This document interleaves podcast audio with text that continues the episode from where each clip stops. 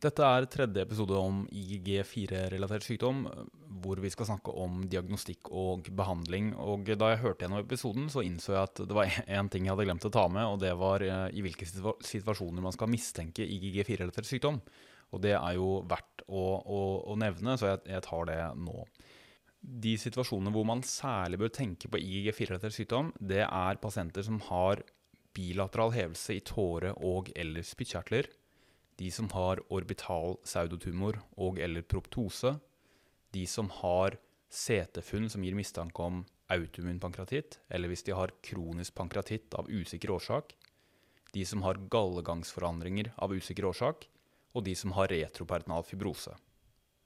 Så bilateral hevelse i tåre- eller spyttkjertler, orbital pseudotumor, autoimmun pankratitt eller kronisk pankratitt av usikker årsak, uavklarte gallegangsforandringer og retropertonal fibrose. Man bør også tenke på sykdommen hos de som har eh, en tumorlignende lesjon i et av predileksjonsorganene, hvor biopsi viser funn som kan passe med sykdommen. Og Mistanken om sykdommen den styrkes jo selvsagt hvis nivået av IGG4 i blodet er forhøyet. Da setter jeg over til eh, siste episode i, eh, i denne oversiktsdelen av IGG4-relatert sykdom. Jeg håper dere liker det. Velkommen tilbake, Jon Ombak. Tusen takk. Da skal vi gå i gang med litt om diagnostikk og utredning. Nei, unnskyld. diagnostikk og behandling av I4-sykdom. Ja. Og jeg vil starte med å eh, snakke litt om hvilke ting jeg ville spurt om, hvilke prøver, blodprøver jeg ville tatt eh, i utredning av IG4-sykdom. Og dette er de samme tingene jeg ville gjort ved hver kontroll. Og det første er jo da å høre om symptomer som kan passe med i G4-sykdom. Og da ville jeg hørt om eh, hevelse rundt øynene, eh, exoftalmos, diplopi. Jeg ville hørt om hevelse i, i store spyttkjertler eller på halsen, og da både submandibraris, men også lymfeknuter og tyroidea.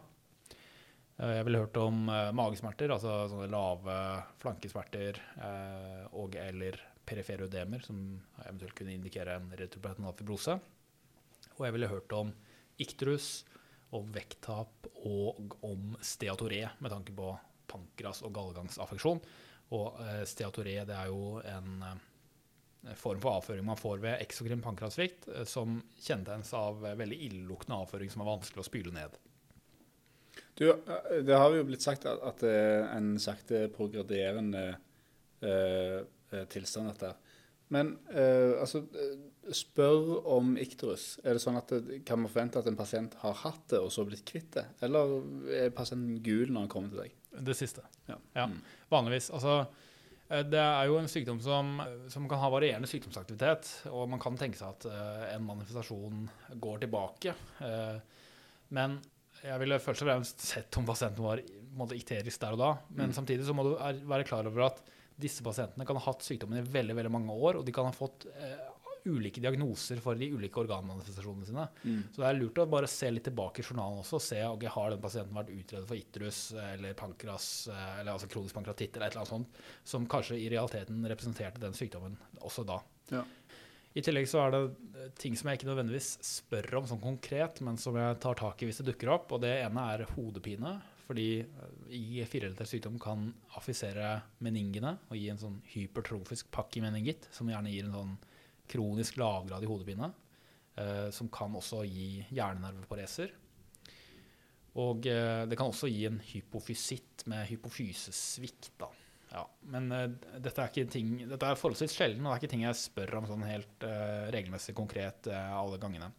Det samme gjelder dyspné. altså I sykdom kan i aller høyeste grad affisere lungene og gi mange ulike typer lungemanifestasjoner. Så hvis det er en pasient som, hvor du mistenker denne sykdommen, og det er dyspne, så ville jeg gått litt uh, i dybden av det og så uh, gjort bildediagnostikk for, for, å kartlegge lungene også.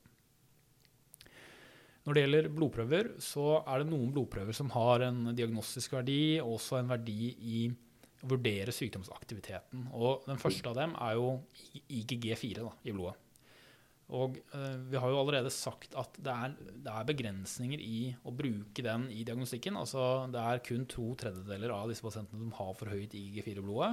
Og IG4-forhøyelse ses også ved veldig mange andre sykdommer, inkludert mange av de sykdommene som har stor klinisk overlapp i, med IG-4-sykdom, altså ting som ligner veldig på IG-4-sykdom.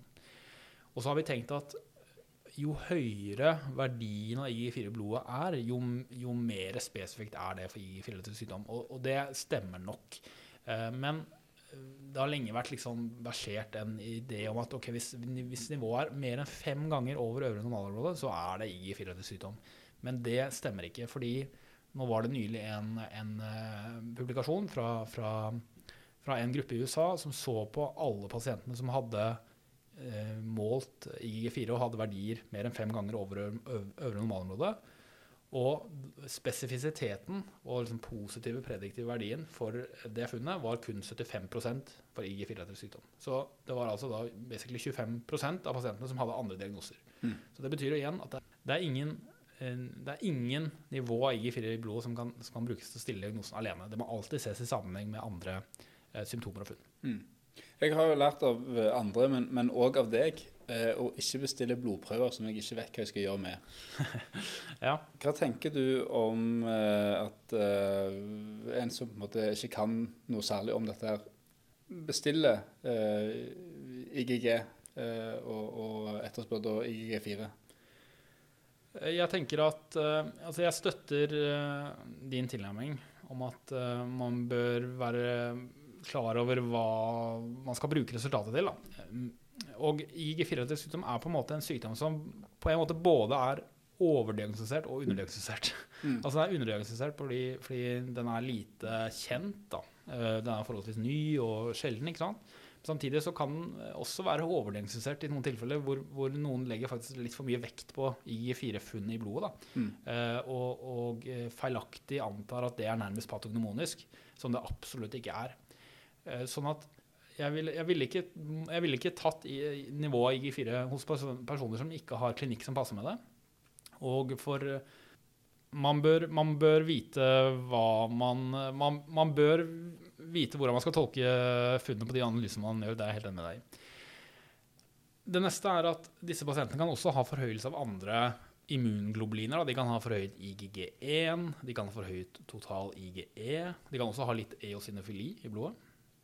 Eh, de kan ha, da, som vi snakket om, hypokomplementemi, altså lav C3 og eller C4 komplementproteiner i blodet. Særlig disse som har tubulointerstiserende fritt. Mm. Og så er det CRP og senkning, som ofte er normale, altså selv ved aktiv flerorgansykdom.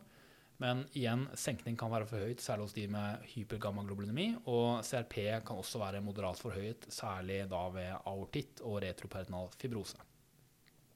Så det var liksom de blodprøvene som, som, eh, som eh, er, kan også ha en viss verdi å vurdere sykdomsaktiviteten av IgG4, IgG1, IgE, eosinofile, C3, C4, CRP, senkning.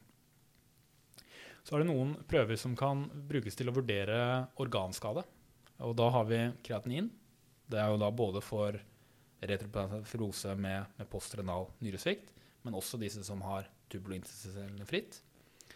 Og eh, på samme måte proteinkvantitering i urinen, altså med enten albumin eller protein-kreatinin-ratio for tubulointerstitielle fritt. Eh, neste er TSH og fri T4 med tanke på denne tyroiditten som de kan utvikle. Så har vi eh, kolestasemarkører, sånn som ALP, gamma-GT, bilirubin, og også lipase med tanke på pankreasaffeksjon. Og hvis man har en mistenkt eller etablert pankrasaffeksjon, så kan man også vurdere endokrin og eksokrin funksjon. Da eh, henholdsvis endokrin funksjon med HBANC og eksokrin funksjon kan man vurdere med fekal elastase, altså elastasenivå i avføringen. Mm. Eh, fordi hvis man har en eksokrin pankrasvikt, så vil nivået av elastase eh, i avføringen være lav.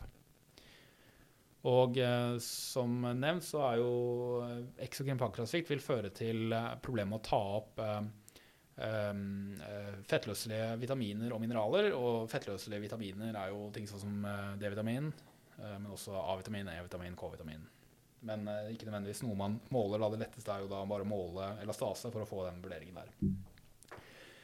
Så dette er igjen de tingene som jeg ville spurt om under utredningen, også ved hver kontroll av disse pasientene. Fordi man må være klar over at eh, de kan, de kan utvikle nye manifestasjoner underveis i forløpet. Eh, sånn at man må stadig vekk være obs på at det kan ha tilkommet noe nytt. Så da ville jeg spurt om de samme tingene, og jeg ville tatt de samme blodprøvene ved kontrollene. Hvor ofte kontrollerer de? Eller hvor hyppig? Ja, det er, eh, det er et uh, godt spørsmål. Det avhenger jo av alvorlighetsgraden og, og sykdomsaffeksjonen, eller organaffeksjonen. Men så in initialt så kan det være snakk om sånn hver tredje måned hos de som har alvorlig sykdom. Uh, og så etter hvert så er det gjerne hver sjette måned, og etter hvert kanskje en gang årlig. Mm. man, må, man må skreddersy det litt individuelt basert på alvorlighetsgraden og også behandlingen pasienten får. Men hvis man har da en, en mistenkt eller bekreftet uh, IG4-relatert sykdom, så er det viktig å kartlegge sykdomsutbredelsen. Og jeg mener at den, den, den, eh, enkleste og beste måten å gjøre det på, er å gjøre helkropps 18 FDG PET-CT, for de som har det tilgjengelig. Mm. Alternativet er jo å gjøre CT fra, fra topp til tå. Men jeg, erfaringsmessig så syns jeg det er mye verdi å gjøre, gjøre PET-CT. Og for de som ennå ikke har eh, tatt biopsi, så kan jo også PET avdekke subklinisk organaffeksjon som, med, med, egnede biopsisteder. F.eks. kraftig FTG-opptak i summande blaris, så er det plutselig mye lettere å biopsere det enn f.eks. Eh, pankras eller retroperitoneum. Mm. Eh, I tillegg så er det andre radiologiske undersøkelser som kan være aktuelle. Det ene er eh, MR Caput hos de som har f.eks. hodepine eller tegn på hypofysesvikt. MR orbita har veldig lav terskel for å rekvirere det. Jeg ville gjort det hos alle som har lakrimalsaffeksjon. Og også alle som har okulære symptomer på et eller annet vis. Altså eh, proptose, tose, ptose, diplopi, eh, retrobulbær smerte. Så ville jeg gjort det.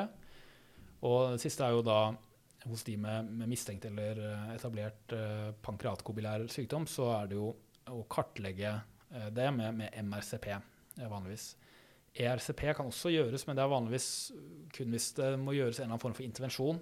Altså Enten at det, at det gjøres sånn børstecytologi av galleveiene for å utelukke malignitet, eh, eller hvis det, man skal stente galleveiene. Men, men, som regel så er det MRCP da, som, som, man gjør, og det er jo en ikke-invasiv prosedyre. Det er ikke noe risiko for pankreatitt, sånn som det faktisk er ved ERCP. da, At du, at du får en sånn iatrogen pankreatitt. Hvor, ofte ser du at eh, Eller altså mye av disse her symptomene her eh, vil jeg jo tenke går innom andre spesialiteter før det ender opp hos deg. Det er vel sjelden at du må det første eh, eh, behandler som, som, ser en pasient med, med en orbiteraffeksjon, f.eks. Mm. Um, jeg skulle tro at, at enten øyelege eller en ørenasalslege hadde tatt stilling til eh, bildeundersøkelse og, og, og, og, klinisk undersøkelse mm. uh, før du møtte dem. Um, og det i samme grad sikkert da i abdomen. Ja, um, helt klart. Uh, er, det måte, er, det, er det din jobb som revmatolog å bestille en ERCP f.eks., eller, eller er det stort sett gjort når de kommer til deg? Ja, det, Der tar du opp en veldig viktig aspekt av dette her. Og du har helt rett i at jeg kan nesten ikke se for meg en eneste manifestasjon hvor revmatolog er første stoppsted. Mm. Altså, eh, Det måtte være at henviser Eh, og da gjerne fastlege, eh, gjenkjenner dette som IG4-relatert sykdom. Noe som er lite sannsynlig i og med at det er så sjelden. da. Så de vil jo da henvise til eh, spesialisten som driver med det, den manifestasjonen som er mest fremtredende. Da er det øyeleger, ørene-halsleger, gastroenterologer og eventuelt urologer med, med, med retroperitonal fibrose. Mm. Og jeg tenker at hvis det er en eh, sykdom som er begrenset til ett organ, så er den eh, respektive spesialisten de som er best egnet til å vurdere dette her. Fordi de har best kjennskap til differensialdiagnosene. F.eks. du kan så utrolig mye mer enn meg om andre årsaker til spyttkjertelhevelse. At det ville være helt eh, eh, Det ville være så lite hensiktsmessig at jeg skulle ta den første vurderingen. Mm. Eh, og så eh, kom jo revmatologen inn i bildet dersom man av en eller annen grunn får mistanke om at det er dette det dreier seg om. Og da er det gjerne fordi IGG4 er for høyt i blodet, eller fordi det er biopsi som kan være forenlig med dette her. Eh, og det er jo sånn at Etter hvert som denne sykdommen blir mer kjent, så, så er jo patologene også mer liberale med å gjøre immunhistokjemi for IGG4, selv dersom det ikke er presisert at det er mistanke om det i remissen. Mm.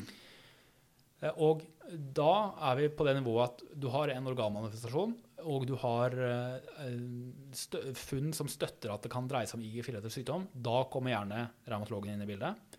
Og da mener jeg at rollen til revmatolog er først og fremst å bidra i å kartlegge sykdomsutbredelsen og bidra til å stille diagnosen etter at den eh, relevante spesialisten har vurdert andre differensialdiagnoser i sitt organ. Eh, så hvis du sier ok, denne personen har eh, hevelse i spyttkjertlene, jeg får det ikke til å passe med noe annet, jeg har dette supplerende funnet som kan støtte diagnosen, så er det naturlig at revmatologen kommer inn i bildet og kartlegger sykdomsutbredelse og stiller endelig diagnose. Mm. Men jeg, akkurat dette med Altså f.eks. MR orbita. Det vil jeg jo eh, Hvis pasienten kommer til meg av, eh, med en annen manifestasjon, ender opp hos meg, har øyesymptomer, så vil jeg eh, henvise til eh, MR orbita uten å, uten å, drøfte det med øyelege. Ja. Eh, men når det gjelder MRCP versus ERCP, så vil jeg drøfte det med, med gastromedisinerne. Eh, fordi de vet bare bedre enn meg når de vil velge det ene versus det andre. Mm. Men som sagt, i de fleste tilfeller nå for dette her, så vil det dreie seg om MRCP fremfor ECP. Ja. Mm. Var det svaret på spørsmålet, eller bare soste jeg meg vekk? i Nei, jeg syns det var okay. Nei, Takk for det. Uh, det. Hvis vi kan uh, da si oss ferdig med radiologien og gå til histologien. Og der er det jo sånn at denne diagnosen, der bør man tilstrebe biopsi for å se etter funn som støtter diagnosen.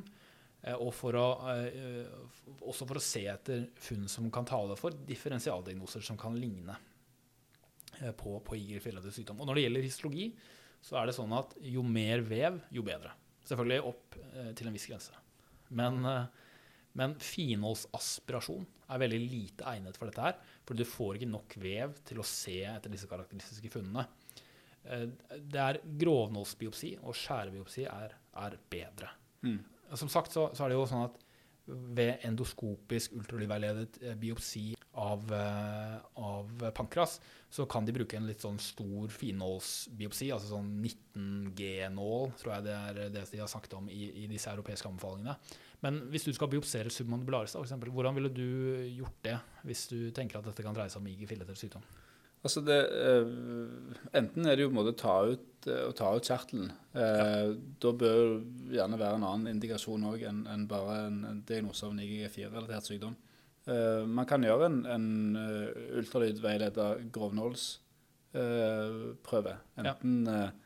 enten, en pistolbiopsi som røntgenlegen på SUS gjør, eller, eller, eller stikke inn en grovnål og aspirere med en sprøyte. Um, da kan man være heldig å få ut en sylinder. Ja. Mm. Uh, OK, men det var greit å vite. Mm. Det neste da, poenget med eh, histologien er igjen dette som vi har vært innpå så vidt, er nemlig det at lymfeknuter det kan ikke brukes til å støtte diagnosen. Og grunnen til det er at eh, infiltrasjon av IG4-positive plasmaceller i lymfeknuter er så utrolig vanlig både eh, hos friske, men også ved mange av disse relevante differensialdiagnosene. Og, og, som vi også nevnte tidligere, lymfeknuter gjennomgår sjelden storiform fibrose, og det viser eh, sjelden obliterativ flebitt. Sånn at eh, man skal aldri støtte diagnosen basert på en lymfeknutebiopsi. Og eh, det kan jo selvfølgelig være relevant å gjøre lymfeknutediagnostikk for å utelukke differensialdiagnoser, sånn som lymfom, Eh, eller multisentrisk Castlemanns sykdom osv. Så, videre. så det har en rolle i differensialdiagnostikken, men den kan ikke brukes til å støtte diagnosen i GG4-relatert sykdom. Og eh, Som en forlengelse av det så ville jeg personlig aldri stilt diagnosen i GG4-relatert sykdom hos en pasient med isolert lymfadenopati. Mm. Uh, uavhengig om, altså Selv om IG4 i blodet er høyt, og selv om det er masse IG4-positive plasmaceller i den lymfeknuten, så ville jeg ikke stilt den diagnosen da. Mm. Jeg ville uh, tenkt på differensialdiagnoser, altså vurdert dem.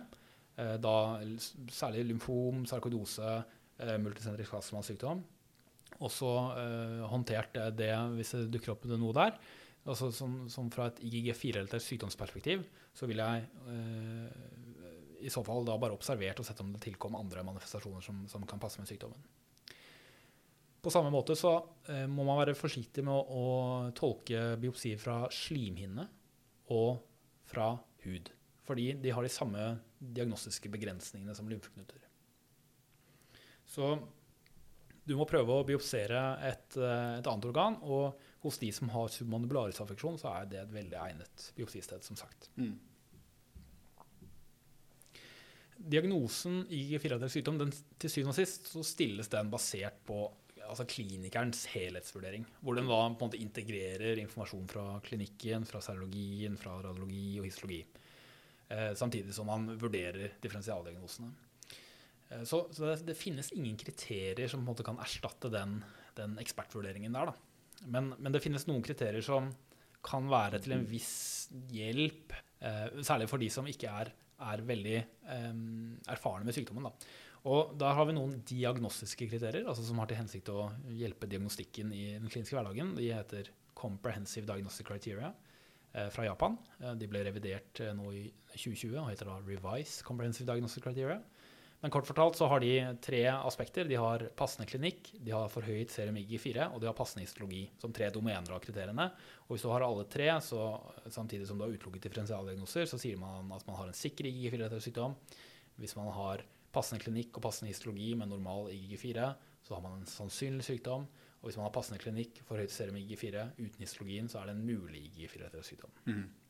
I tillegg så har vi klassifikasjonskriterier, og dette er, noe, dette er et sånt konsept i revmatologien som, som eh, andre fagfelt kanskje ikke kjenner til. Men problemet i revmatologien er at eh, sykdommene er veldig heterogene, og det er veldig stor overlapp mellom ulike sykdommer. Så du har veldig stor utfordring hvis du skal prøve å utvikle diagnostiske kriterier. Fordi diagnostiske kriterier som er til bruk i klinikken, de må ha høy sensitivitet og høy spesifisitet. Og det får du bare ikke til fordi sykdommene er så heterogene og så overlappende.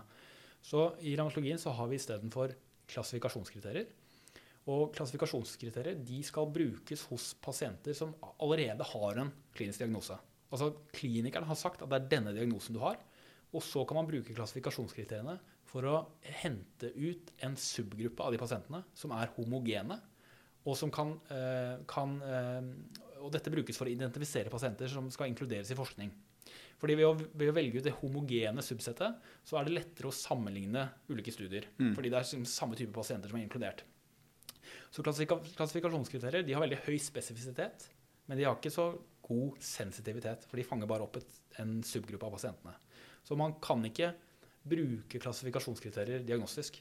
Fordi da vil, du, da vil, du, ikke fange opp alle disse andre som ikke er i den lille subgruppen. Da. Eller i den subgruppen.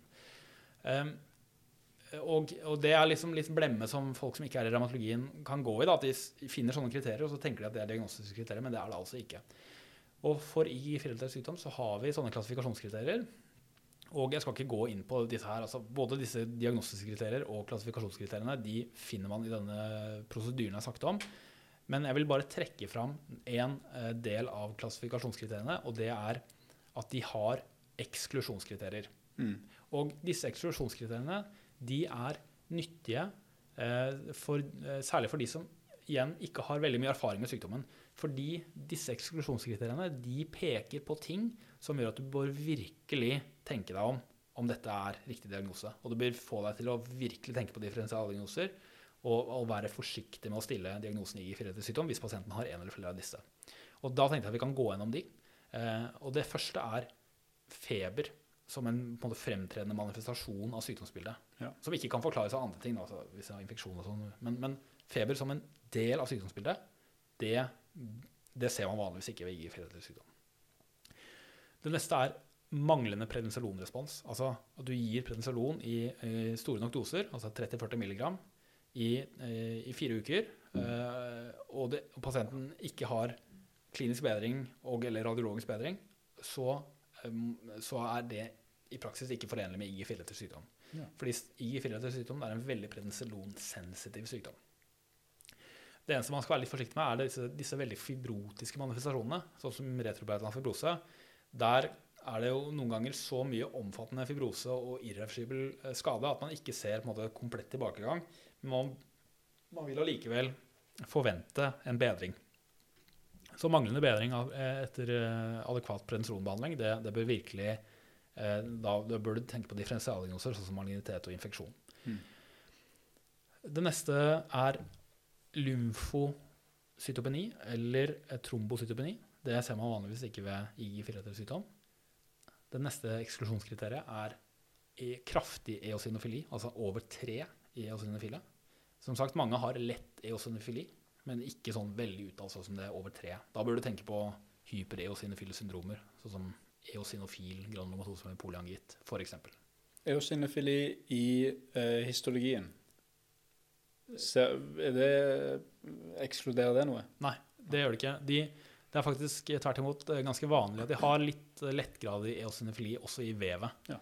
Men det vil ikke dominere histologibildet. Altså det vil være mild eosinofili, eh, som, eh, men, men det dominerende funnet er liksom den lymfoplasmacytære infiltrasjonen med I4-positive plasmaceller. Mm. Eh, Men mild eosinofili både i blod og vev, det er, det er godt forenlig med sykdommen. Mm. Eh, Det er først når det blir uttalt at du må tenke på andre ting. Det neste eksklusjonskriteriet er at det er en rask radiologisk progresjon. Fordi som sagt så er jo dette en langsomt progrederende sykdom. Hvis det progrederer raskt, så må du tenke på eh, andre diagnoser, eh, inkludert eh, malignitet og, og infeksjon. Og det neste eksklusjonskriteriet det relateres til histologifunn igjen. Og da, da har vi jo nevnt eosinofili, men, men de, de tingene som er listet opp som eksklusjonskriterier basert på histologien, det er fremtredende infiltrasjon av nøytrofile granulocyter. Det ser man vanligvis ikke. Nekrotiserende vaskulitt, altså det er nekrose i årveggen. Annen form for omfattende nekrose i vevet. Og granulomer. Alle de tingene er ting man vanligvis, altså som man forventer å ikke se ved sykdom, og som bør gjøre, at du tenker på andre diagnoser. Ja. Det tredje, eh, eller ikke det tredje, men det siste eksklusjonskriteriet som jeg hadde tenkt å Det er, det er flere enn disse her, men er, nå har jeg bare tatt, tatt ut noen. Eh, Det siste er hvis pasienten har funn som passer med en differensialdiagnose som kan ligne veldig på IG-foreldre sykdom, og da har man trukket fram eh, særlig en tilstand som heter eh, inflammatorisk myofibroblastisk tumor, Erdheim-Chesters sykdom og multisentrisk Castlemanns sykdom. Som alle er selvfølgelig veldig sjeldne tilstander. Mm. Men, eh, men vi som jobber med revmatologi og sjeldne sykdommer, må på en måte erkjenne at, at vi kan møte veldig sjeldne sykdommer, og vi må vite at disse kan presentere seg på samme måte. Og jeg skal ikke eh, gå gjennom disse i detalj nå, men igjen, i denne nasjonale prosedyren på norskrevmatologi.no så har, har vi skrevet litt om, om de tilstandene. Da tenkte jeg å gå over til behandling. Eh, hvis, eh, hvis, eller var det noe mer vi skulle si om eksklusjonskriteriene? Eller andre ting? Jeg tror det var klinkende klart. Ok, det er bra. Eh, når det gjelder behandling, så, så er det jo eh, Det første vi må minne oss om, er at dette her er en veldig heterogen sykdom. Så noen har mild sykdom, andre har alvorlig sykdom. Og det andre er at dette er en såkalt relapsing remitting sykdom. Dvs. Si at sykdomsaktiviteten gjerne kommer i perioder, eh, og det vil være perioder med høy sykdomsaktivitet og med lav sykdomsaktivitet. Og eh, når, vi, eh, når det gjelder behandling, så er det særlig to medikamenter som er, er relevante, og det er prednisolon og det er rituximab. Og rituximab, det altså, som vi snakket om eh, i første episode, det fjerner B-celler. Mm. Eh, Prednisolon og rituximab det kan gis alene eller i kombinasjon, både som induksjonsbehandling og som vedlikeholdsbehandling. Induksjonsbehandling, med det, som- med det så mener vi å, å indusere remisjon, altså fjerne symptomer og, og funn. Og vedlikeholdsbehandling det er å opprettholde remisjon, altså forhindre tilbakefall av sykdommen. Prednison er, er, er førstevalget eh, for de aller, aller, aller fleste. Og hvis man velger det, så er vanlig startdose eh, 0,5 til 0,6 mg per kilo. Mm. Det vil typisk være 30-40 mg. Som man gir i to til fire uker, eller i hvert fall til pasienten føler seg eh, betydelig bedre. Og så trapper man dosen ned med 5 mg hver uke, ned til en vedlikeholdsdose på 5 mg. Hvis du velger rituximab, så, eh, så gis det vanligvis i en sånn standardisert protokoll som eh, jeg ikke trenger å gå veldig mye inn på, men det er 1000 mg på dag 0 og 1000 mg på dag 14. Eh, Og så, eh, hvis du velger å gi vedlikeholdsbehandling med rituximab, så vet vi ikke helt hvordan vi skal gjøre det.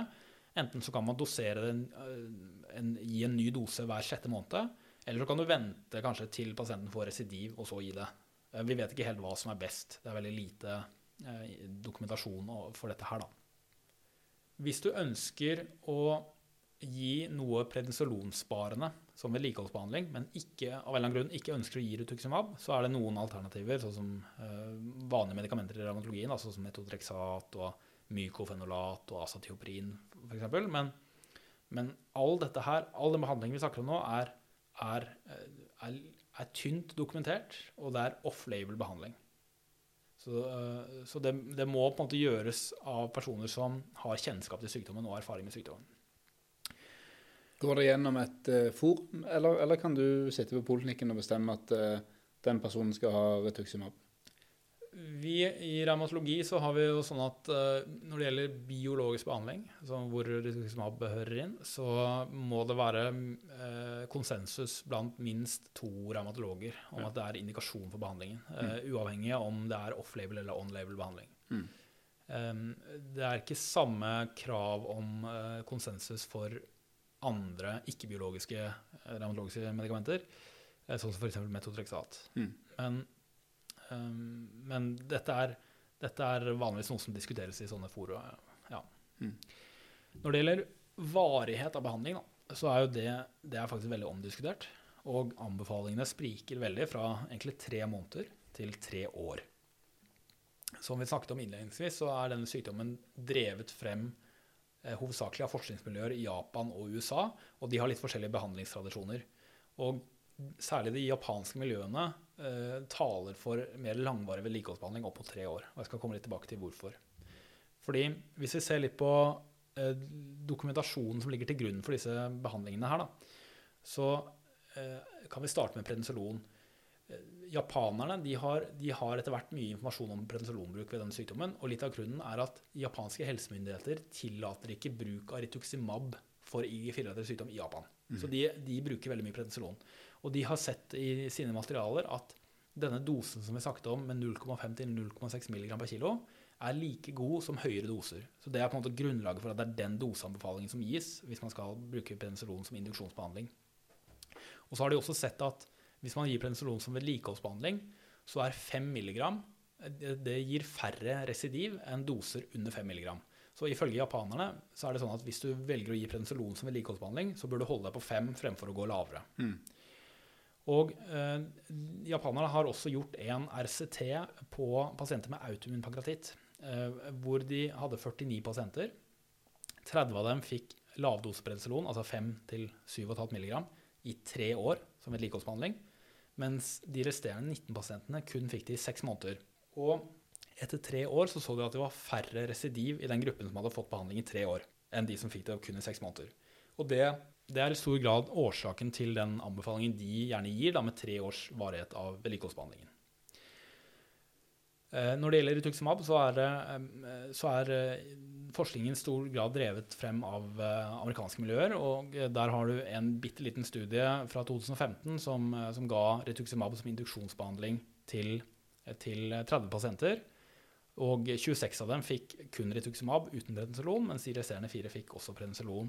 Og så så man at eh, etter seks måneder så var 29 av 30 pasienter blitt bedre, og 14 pasienter var i full remisjon. Og denne studien banes liksom vei for bruk av rituximab i denne sykdommen, som, eh, som etter hvert har blitt ganske utbredt, men igjen off-label-bruk. da. Eh, og når det gjelder vedlikeholdsbehandling med rituximab, så har man i praksis ingen god data for det. Men klinisk erfaring tilsier at, at det også er er egnet og effektivt til å opprettholde remisjon hos pasientene. Men varigheten er, er veldig usikker, da, hvor lenge man skal gjøre dette her. Kan man bli frisk? Det er, det er egentlig litt usikkert. Altså, sånn konseptuelt igjen, da, så er jo denne sykdommen etter mitt syn litt lik sarkoidose. Mm. Og sarkoidose er jo ikke en autoimmun sykdom. Det er en, en, en overaktivering av immunsystemet på et eller annet vis. Og så Eh, vil veldig mange pasienter med sarkodose oppleve at sykdommen brenner ut fordi den ikke er autoimmun. Eh, så etter hvert så vil liksom immunsystemet eh, roe seg ned og så slå seg av. liksom. Og med IF-relatert sykdom så vet vi ikke helt sikkert om den er autoimmun. Altså, En av manifestasjonene heter jo autoimmun pankratitt, men det, i første episode så snakket vi om hvorfor den fikk det navnet. Det var mm. ikke fordi man helt sikkert påviste at det var det. Det var bare fordi man antok det pga. lymfocyttinfiltrasjon og hypergammalglobumin og dette her. Så vi, vi, vet ikke helt sikkert om det er en autoimmun sykdom. Hvis det er en autoimmun sykdom, så vil man forvente at man ikke blir kvitt den. Hvis det er en mer eh, kronisk eller en overaktivering av immunsystemet på et eller annet vis, lignende sarkoidose, så vil man jo kanskje forvente at man ser at noen av pasientene eh, opplever at sykdommen brenner ut. Men vi vet ikke helt dette her med sikkerhet ennå, og vi har jo ikke så lang observasjonstid etter at man skjønte at det var dette her det dreide seg om heller. Eh, så jeg tror per i dag så tenker man at dette her er mer autoimmunt enn f.eks. sarkoidose. Man forventer at det er mer kronisk sykdom. Man forventer at få pasienter blir friske. Eh, men igjen at det er en sånn relapsing remitting sak hvor det kan være lange perioder med lite sykdomsaktivitet. Mm. Eh, det man står i, altså De spørsmålene man står i i klinikken, er jo da måte, når det gjelder behandling, er jo når skal man gi langvarig behandling, og, og når skal man velge rituximab. Det er, det er liksom de to kjernespørsmålene i, i behandlingen. Og, og jeg, jeg, prøver ikke å si at jeg har fasiten på det i det hele tatt, men eh, nå tenker jeg i hvert fall å legge fram mitt syn på saken. Eh, og så kan det godt være at eh, jeg i fremtiden vil ha et annet syn på det, men, eh, men eh, dette er i hvert fall sånn jeg tenker på det nå. Jeg tenker at Svaret på begge de spørsmålene det det handler jo om alvorlighetsgraden til sykdommen. Jo mer alvorlig sykdommen er, jo mer eh, tilbøyelig vil du være for å gi rituximab, og jo mer tilbøyelig vil du være for å gi langvarig behandling. Det, det samme gjelder pasienter som har hatt eh, alvorlig residiv, eller mange residiv, eller som av en eller annen grunn anses å ha høy risiko for å få residiv. Og jeg skal vise, komme litt tilbake til det straks. Når det gjelder rituximab også, så er det jo disse pasientene som, hvor man ikke kommer ned i prednisolondose. Eh, ned til doser på 7,5 mg eller lavere og trenger et eller annet prednisolonsparende. Eller de som har eh, fremtredende og uholdbare prednisolonbivirkninger. Eh, så vil jo rituximab også være aktuell behandling. Og man må huske at dette er en sykdom som har en tendens til å ramme eldre pasienter, og som har en predileksjon for pankras. Så det er klart at disse er utsatt for å få prednisolonbivirkninger i form av, av diabetes. Samtidig så må man huske på at autoimmun er faktisk en tilstand hvor HbA1c faktisk kan bli bedre av prednisolon.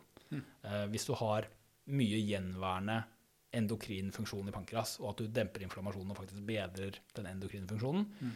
Eh, men eh, det avhenger jo da av grad av restfunksjon, og HbA1c-forløpet etter oppstart av prednisolon vil derfor være ganske uforutsigbart.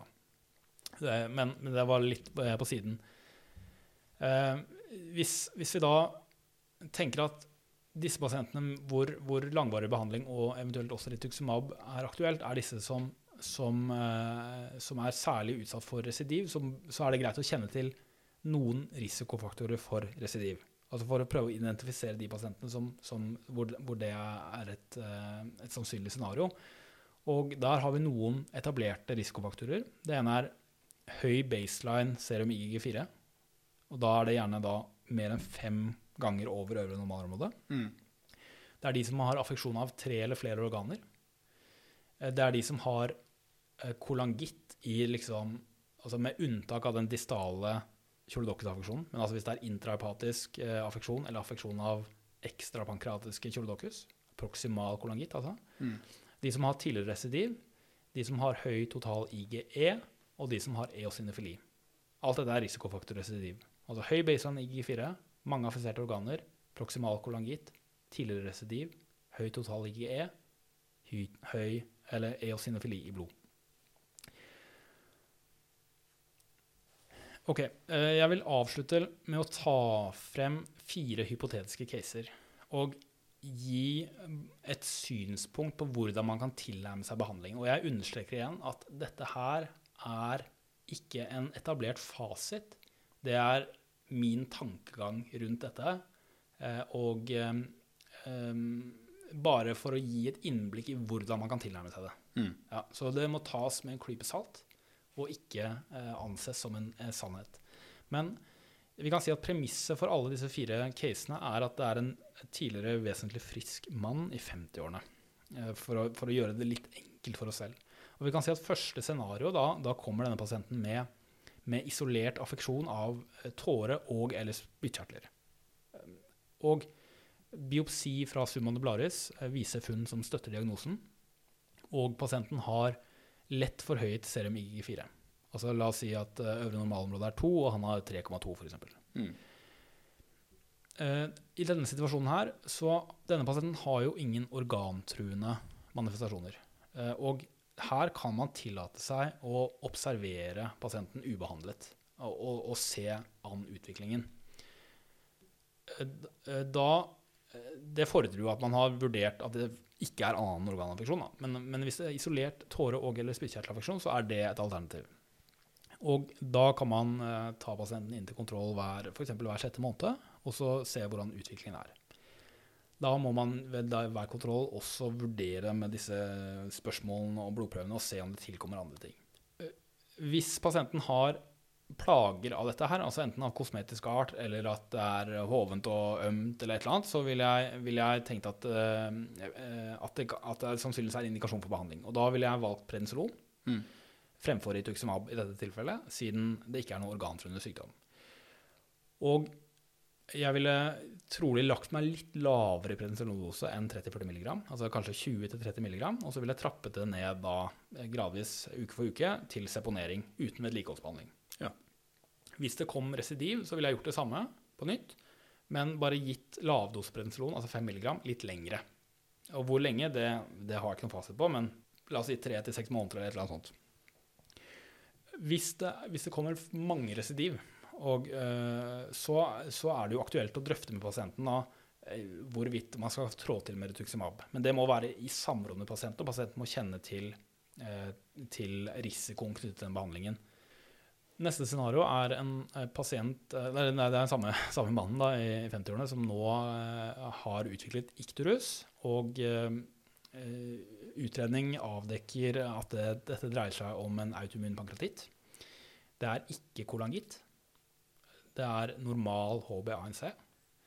Og man gjør en helkropps eh, FTG PET-CT som viser opptak i pankras, men også i submandibularis. Og eh, biopsi fra submandibularis støtter diagnosen.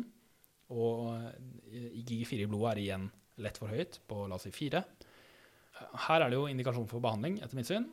Og jeg ville gitt prednisolon 0,5 til 0,6 mg per kilo, altså 30-40 mg. Trappet gradvis ned til en vedlikeholdsdose på 5 mg.